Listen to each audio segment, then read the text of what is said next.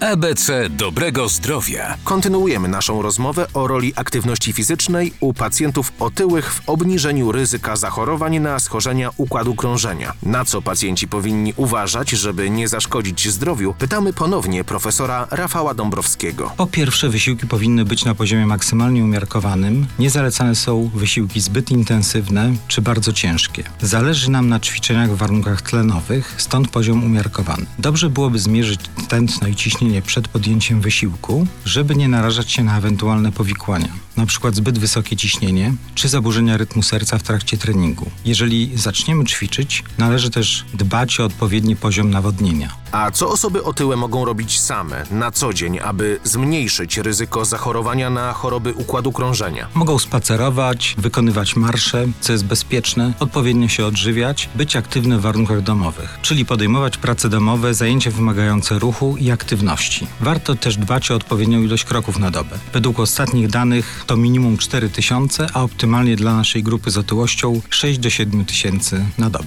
Audycja powstała we współpracy z Ministerstwem Zdrowia w ramach Narodowego Programu Chorób Układu Krążenia na lata 2022-2032 finansowanego ze środków Ministra Zdrowia.